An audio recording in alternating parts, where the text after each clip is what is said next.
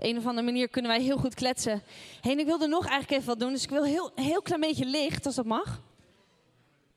Heel klein beetje licht in de zaal. Want uh, ik dacht van, ik vind het eigenlijk wel cool om even zo'n foto te maken vanaf hier. Toch? Selfies mogen buiten de kerk, maar niet in de kerk of zo, toch? Dus vandaar. Dus dat doen we wel eventjes. Maar dan moeten jullie wel even iets cools doen. Dus uh, allemaal even, maakt niet uit. Doe, doe je ding. Even, kijk. Nou, heel mooi, maar kan wel iets cooler. Wacht even. Ga even hier staan. Oké, okay, 1, 2. Come Ja, kijk, dat is een foto. Je snapt, die komt op Facebook, hè? Wie dat niet wil, mag straks naar me toe komen. Heel cool. Hey, laten we bidden. Heer, bent zo goed. Bedank u, Vader. En Heilige Geest, ik weet, u bent hier.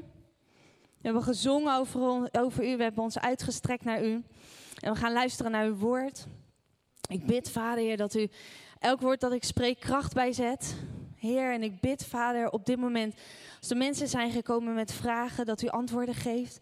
Ik bid, Vader, Heer, dat als er mensen zijn hier met onzekerheden, dat u hoop geeft. Ik bid, Vader, dat als er mensen zijn met, Heer, angsten, dat u liefde geeft. Heer, uw perfecte liefde drijft alle angst uit. Ik bid, Vader, Heer, dat u iedereen bedient vandaag, Heer.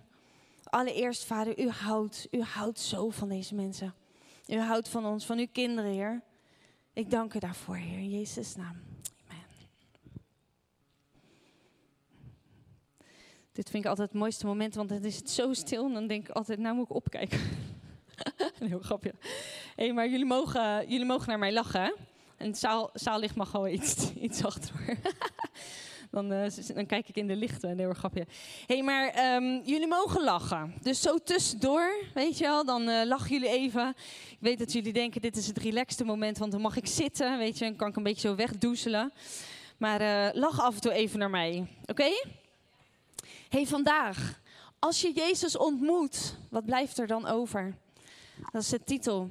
Misschien ken je het gezegde wel bijna zeker van wel. Als je McDonald's binnenloopt, ben je nog geen hamburger. En als je een kerk binnenloopt, ben je nog geen christen.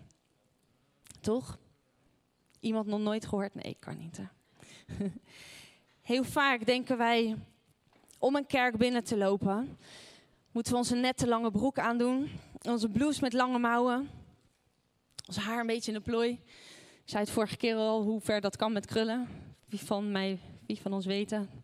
Krullen. Heel cool. hey, en um, weet je, een mooie glimlach op. Je hebt je week gehad. Je staat ochtends met of zonder kinderen, met of zonder gezin.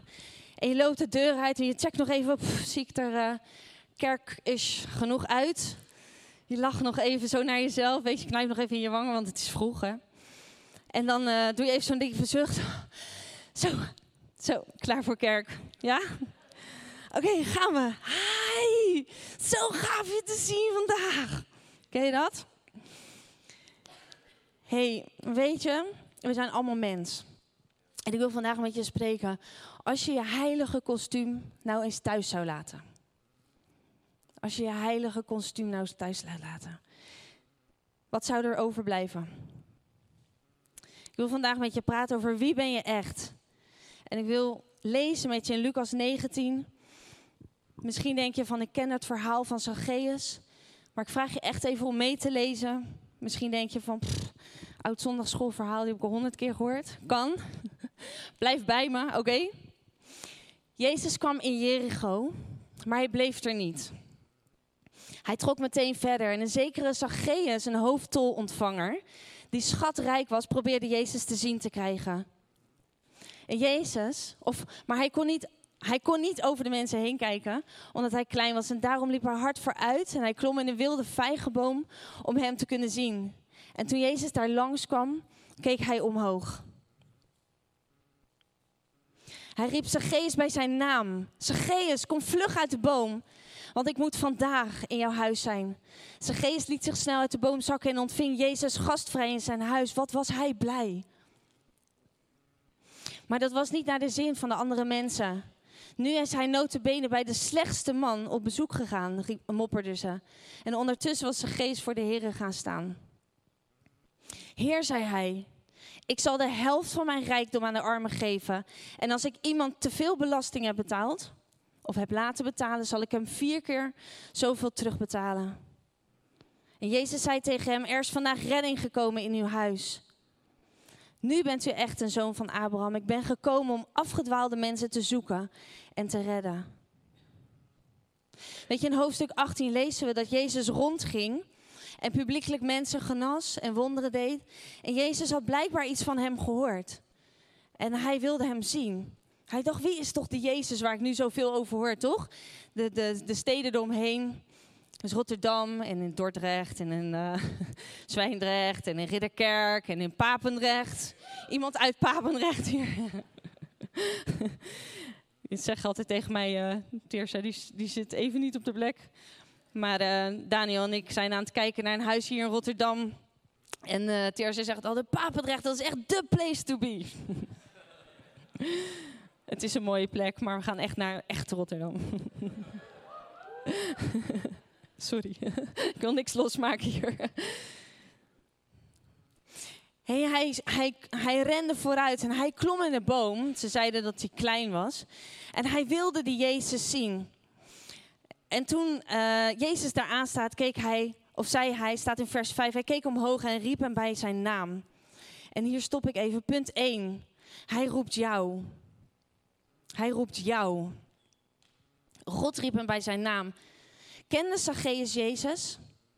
Ik denk het niet. Het staat nergens of hij hem wel of niet kende. Ik kan, kan het niet hard maken, maar ik denk het niet. Hij was in ieder geval nieuwsgierig. Hij klom in de boom, hij rende voor de menigte uit. Hij wilde Jezus zien. Dus ik denk dat hij hem niet kende, want hij was nieuwsgierig. Maar Jezus kende hem wel. Ik denk dat hij wachtte. En ik denk dat hij verlangde naar het moment dat Zacchaeus hem wilde zien. Er is niks wat hem ontging. En niet niet omdat hij in de hemel of daar op aarde in Jericho stond met een lange baard, met zijn vingertje klaar. hey, ik weet wat jij gedaan hebt. Denk maar niet dat je een plekje in mijn koninkrijk krijgt. Je bent nog niet eens op een honderdste om in aanmerking te komen om bij mij in de buurt te komen. Nee, hij had op hem gewacht om eindelijk met hem te kletsen. hey, hij had om hem gewacht.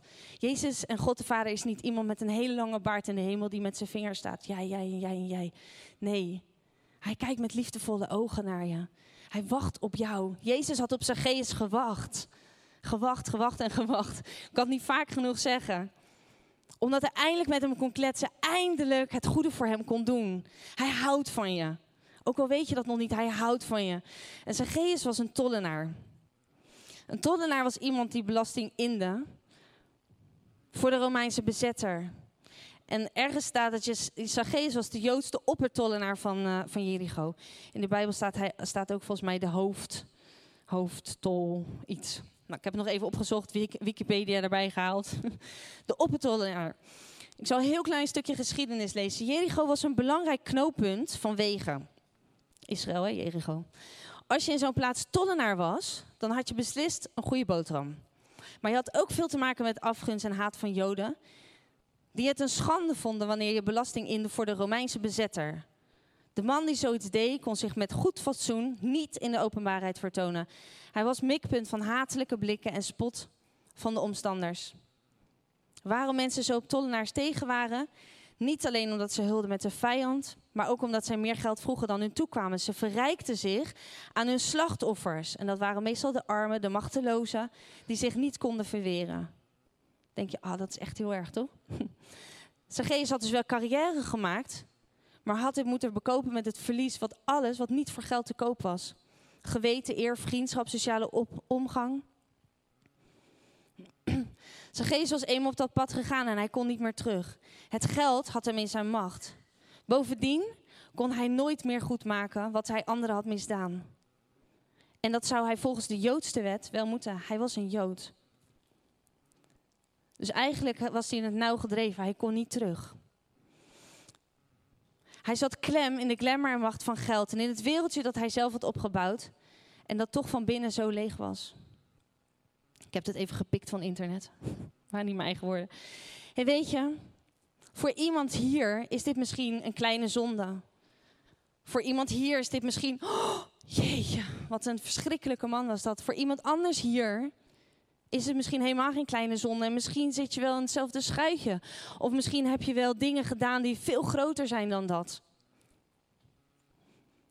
Weet je, iedereen heeft wel iets waar hij niet trots op is. Weet je dat Jezus zich met zijn twaalf discipelen, dat waren allemaal mensen die ergens vandaan kwamen. Zeg maar even Petrus, ik ga er eentje noemen. Drie jaar lang had hij met Jezus meegelopen. Elke dag zag hij wonderen. Elke dag genas Jezus zieken. Tenminste, elke dag. Heel veel, heel vaak. Dat compenseerde hij dan wel met het aantal keer op een dag met de andere dag. Nee hoor. Hij deed zoveel.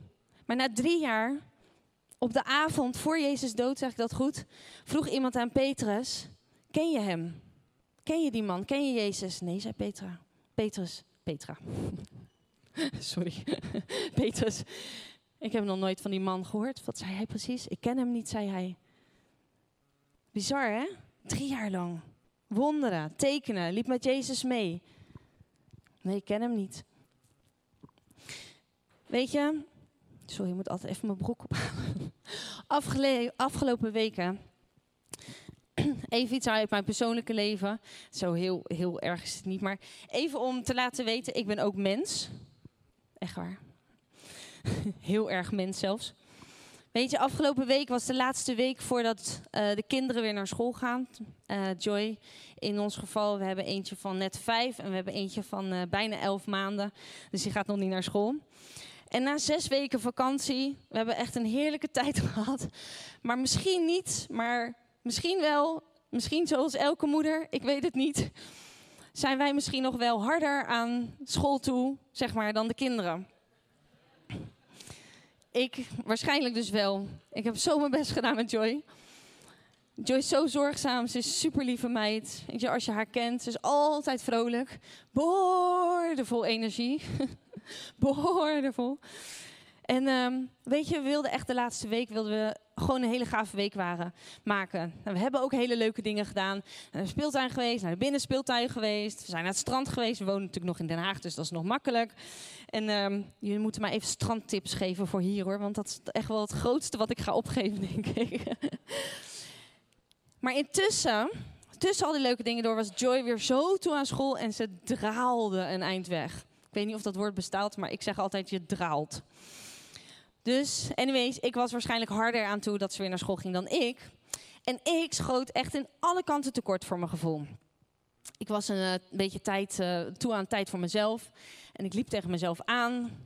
Nou, ik was even niet de allerleukste moeder van de hele wereld. En de laatste week van de vakantie werd eigenlijk voor mij gewoon een strijd.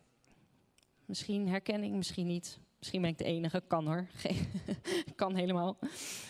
Hey, en in mijn gedachten was ik echt de slechtste moeder. Ik kon het niet slechter doen. Ik had gefaald. En vrijdag, de dag nadat we naar het strand waren geweest, zei Joy tegen mij: Mama, je krijgt van mij twee duimen en twee schelpjes. Dus uh, onderwijl, ik was druk uh, de tafel aan het afruimen en we hadden gegeten. En uh, serieus mensen, waarom geven wij kinderen een bord? Echt waar. Elke keer na elke maaltijd zie ik mezelf op mijn knieën zitten, weet je wel. Maar goed, anyways. Ik blijf dat bord neerzetten voor de mensen die nog geen kinderen hebben. Alles ligt dus onder de tafel. Bij mijn kinderen in ieder geval. Bij alle twee trouwens. Schat, ze maken wel eens een geintje. is heel erg geintje hoor, heel sarcastisch. Schat, als mama jou vergeet een bord te geven, zeg ik dan. Erge. erge, erge. Anyways, en toen kwam ze dus terug. Ik zei nog van, oh liever, dankjewel. Maar ik was ondertussen gewoon alles aan het schoonmaken. Ken je dat? Dat je een soort van, van ja, ja, weet je, heel lief van je. Maar ik ben nu even, ben nog bezig. En toen kwam ze terug en toen zei ze, maar mama, ik geef je nog een schelp. Je krijgt van mij drie schelpen. Omdat ik zoveel van je hou. en daar stond ik dan.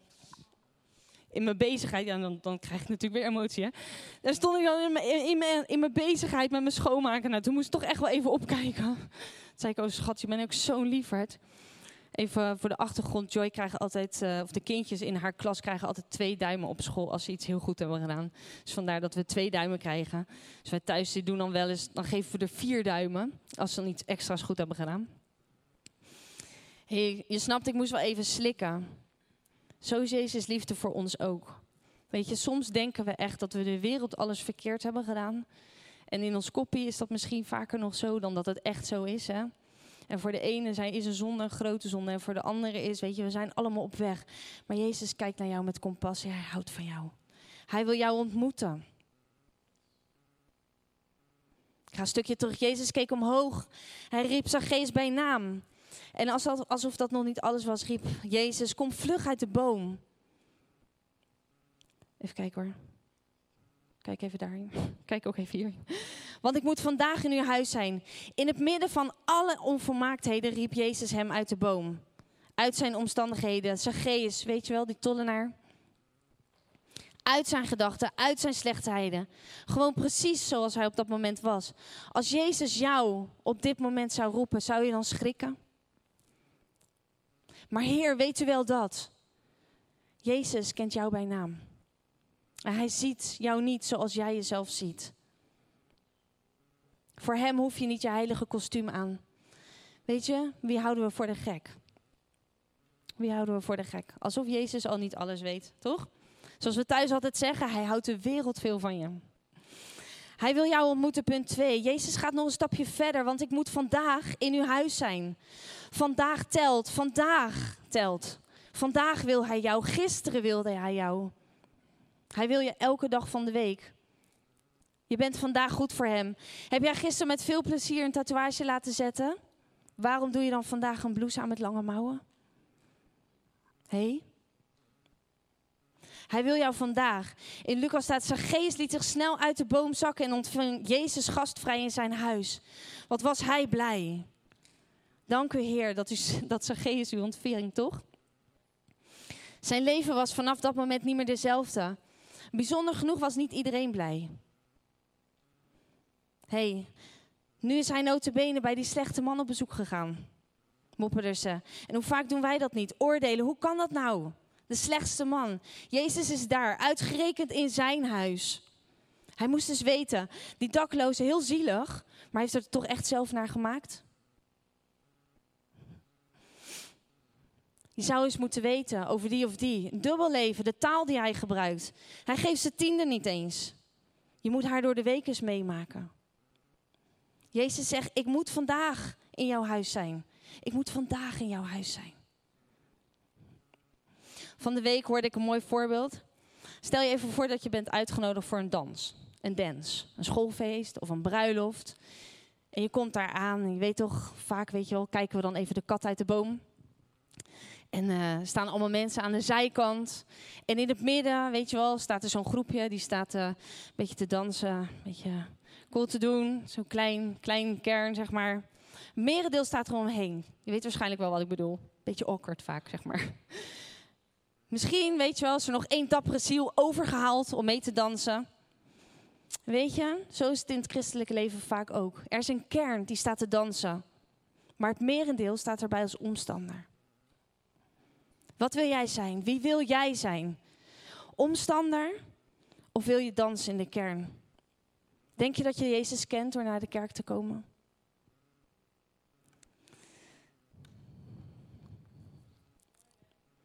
Zeker, je groeit en bloeit. En je bent onderdeel van zijn familie.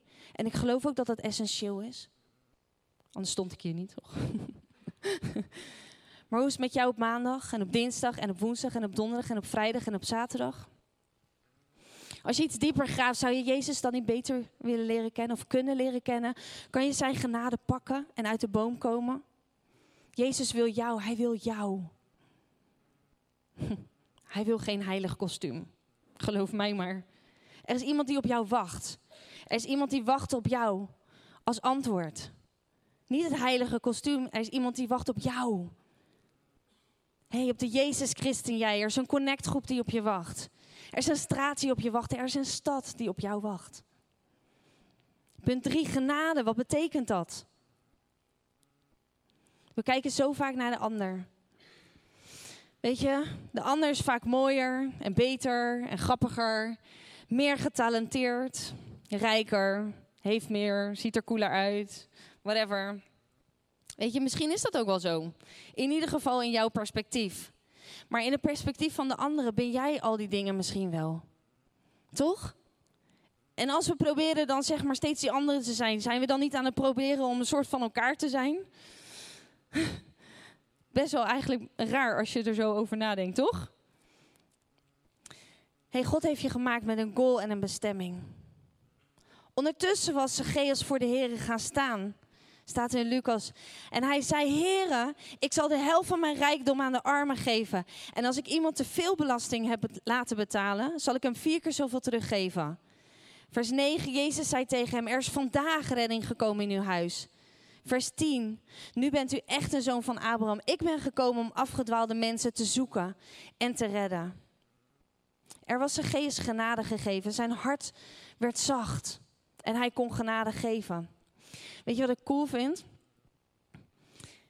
Wat me, wat me echt opvalt, weet je, in vers 8 staat nog, ik moet even terug, Um, even kijken hoor. Ondertussen was zijn geest voor de Heer gaan staan. Nou, hij zei: Ik zal de helft van mijn, van mijn uh, rijkdom aan de armen geven. Maar in de voorgaande versen stond nergens dat hij dat moest doen. Jezus roept hem bij naam. Hij zegt: Kom uit de boom. Hij zegt: Ik wil bij jou thuis zijn. Maar er staat nergens dat hij zegt: van, hey, zou je misschien niet uh, hè, even een beetje van je schulden afbetalen of zo? Of even wat teruggeven? Maar het volgende wat er staat, is dat geest ondertussen voor hem was gaan staan. Om te vertellen dat hij de helft van zijn rijkdom aan de armen zou geven. En dat als er iemand te veel belasting heeft laten betalen, hij het hem vier keer zoveel zou teruggeven. Gods genade. Ik ga even terug. Ik heb Gods genade, heb ik, of genade, het woord heb ik uit het Engels heb ik teruggezocht. De mercy, de welwillendheid. De clementie, de compassie, de mildheid, de goede tierenheid. Pardon, de genade, de vergeving, de vergiffenis, de verschoning, de gratie, de barmhartigheid. Hoe cool hè? Genade.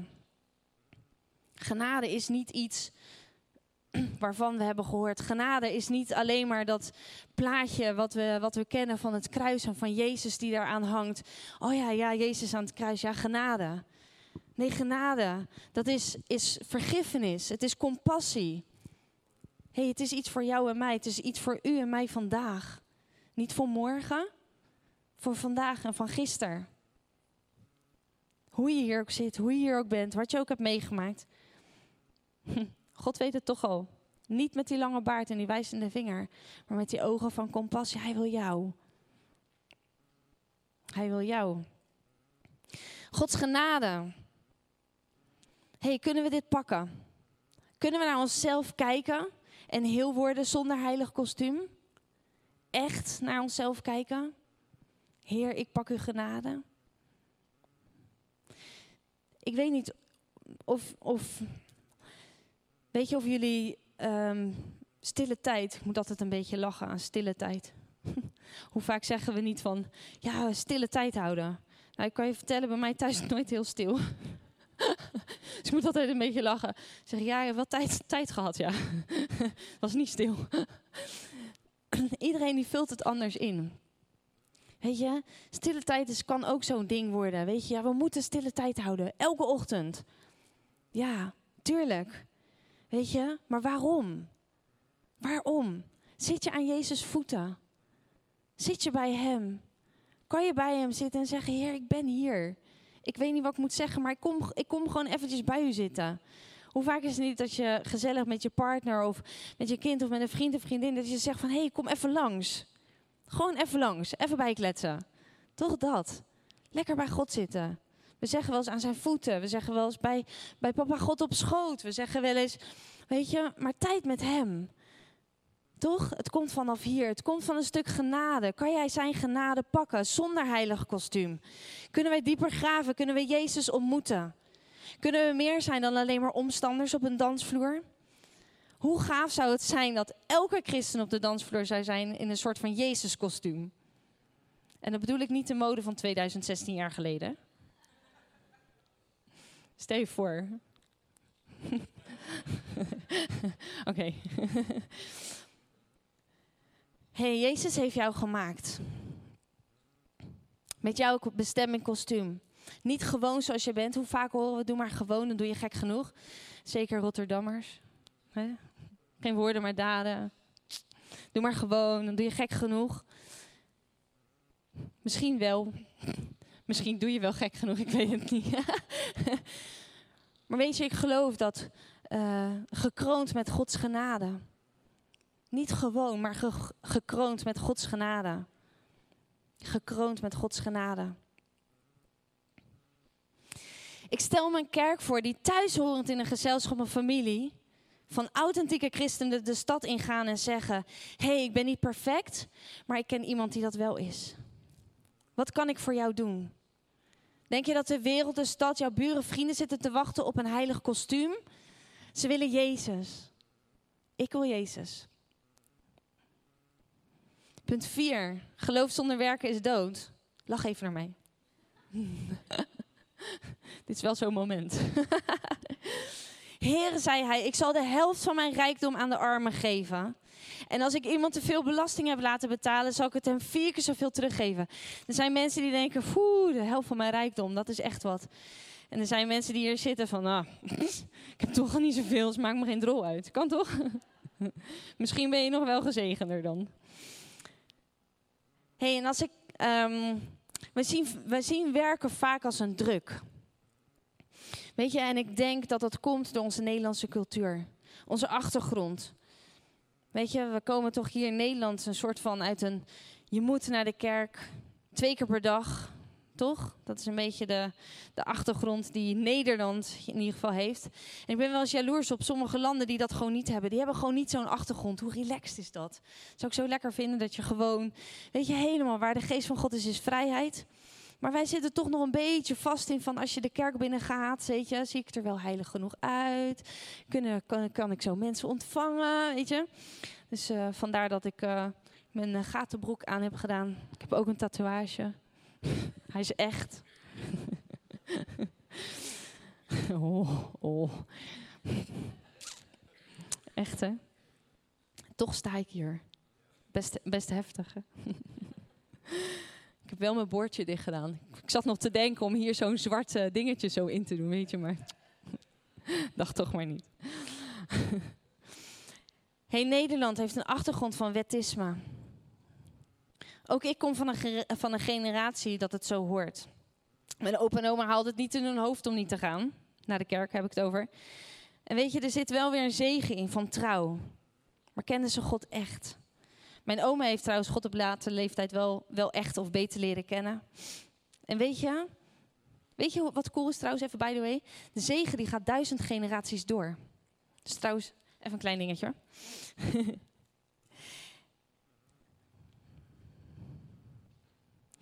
en weet je, in Lucas 19 lees ik dat uh, nadat Zacchaeus Jezus had ontmoet, dat hij zei dat hij de helft van zijn rijkdom aan de armen zou geven. En daarbij zei hij dat als hij iemand te veel belasting heeft laten betalen, ik herhaal het veel hè, dat hij hem viervoud zou teruggeven. hey, dat zijn pas werken. Hallo, dat zijn pas werken. Hij zei, kom uit de boom. Want ik moet in uw huis zijn vandaag. En ineens, ondertussen stond er, ging Zacchaeus voor de heren staan. En zei, ik zal alles. Jezus had het niet gevraagd aan hem. Hij deed het. Hij deed het vanuit zijn hart. Weet je, ik heb het nodig om iets te doen. Eén, ik ben een doener. Maar weet je, omdat zijn hart klopt in mijn hart. Zijn hart, Jezus' hart klopt in mij. Daarom wil ik wat doen. Niet omdat ik nou zo nodig iets moet doen. Daar worden we moe van. Weet je, ik ben ook wel eens moe, geloof me maar. Dat is ook logisch. Bij elk werk word je een keertje moe. Dan, dan rust je weer uit. Ga je weer terug naar Jezus. Weet je, ik wil nog één ding echt vertellen. Misschien een aantal van jullie weten dat, maar uh, mijn moeder was ziek. Ze had reuma. Vanaf dat ik 14 was, ik ben nu 37. En um, ik heb haar echt gewoon in de jaren, door de jaren heen steeds uh, zieker zien worden. Er was behandeling, reuma is goed te behandelen, tegenwoordig nog, nog veel beter dan toen. Maar eigenlijk wilden ze het nooit echt accepteren. En daarnaast ben ik echt eigenlijk heel veel later pas achtergekomen. Toen ik een keer een gesprek met mijn moeder had. Mijn moeder kwam de deur niet meer uit. Mijn moeder die kon moeilijk lopen. Ze stond moeilijk op. Uh, ze zorgde eigenlijk niet goed meer voor haarzelf. Vorig jaar is ze overleden. En eigenlijk aan verwaarlozing. Want reuma is op zich best heel goed te behandelen. En um, Het is een, een agony ziekte. Ik, het is echt een verschrikkelijke ziekte. Alles doet pijn. Je komt er eigenlijk niet onder de pijn uit. Met heel veel medicijnen. Dus in die zin, ik, ik snap haar. Ze hield zich vast aan Jezus. Ze wilde zo graag genezen. Ze wilde zo graag bij hem zijn. Ze wilde zo graag, of het nou in de hemel was of hier op aarde. En uiteindelijk heeft ze gekozen ervoor om bij, bij hem in de hemel te zijn.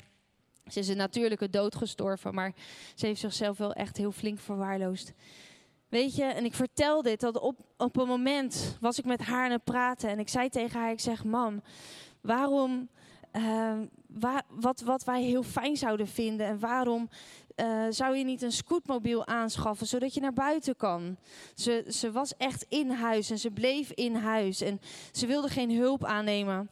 En toen zag ze, toen keek ze naar mij en toen zei ze, Wen, ze zei van, dan moet ik eigenlijk de vijand gewonnen geven. Dan moet ik de duivel gewonnen geven. Dat ik in een scootmobiel stap en dat ik niet meer het geloof heb in Jezus. En ik zag de hoop in haar ogen toen ik zei, maar mam,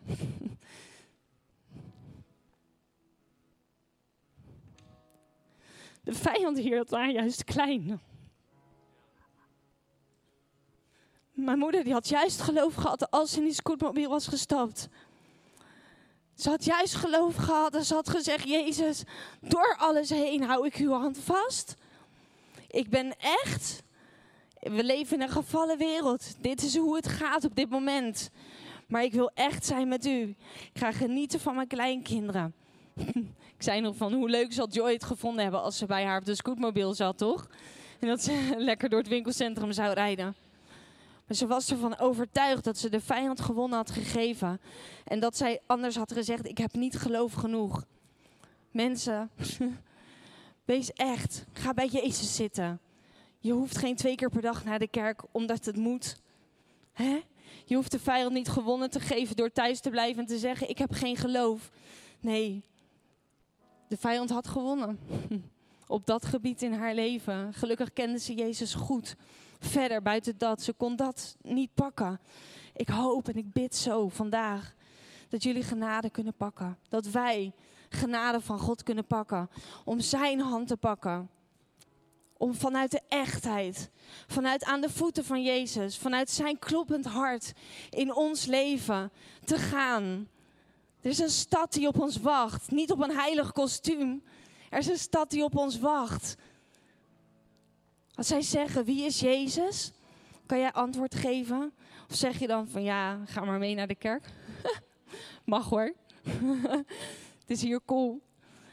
Weet je, hier groeien en we bloeien en we hebben, zijn familie met elkaar. Dus ik geloof, kerk is essentieel. Maar doe het wel omdat je van Jezus houdt en omdat je meer van Hem wil weten. Omdat je familie wil zijn. Ik heb het nodig om iets te doen. Ik heb het nodig om in Gods huis te zijn, om in zijn familie te zijn. Niet omdat het moet, maar omdat ik het nodig heb om mijn geloof levend te houden. Omdat Jezus mij genade heeft gegeven. En ik wil iets terugdoen, omdat zijn woord klopt in mij. Jacobus 22, of 2 vers 22, ziet u wat ik bedoel? Hij geloofde God en deed precies wat God hem vroeg. Zijn geloof werd pas echt geloof door wat hij deed. Nog even kort met het vorige, denk het vorige hart voor het huisoffer, hebben we gezegd, we gaan een deel aan het leger des hels geven. Dat gaan we doen. Ik heb de directeur van het leger des hels een mail gestuurd. Ik ken hem nog van heel lang geleden. Toen was hij directeur in Den Haag. Toen ging ik met mijn uh, kloppende hart voor Jezus de straat om, op, om daklozen van de straat te halen. En we gaven ze maaltijd en een woord en worship. En ik ging altijd ochtends naar het dienstencentrum op zondagochtend. En ik haalde ze mee naar de kerk.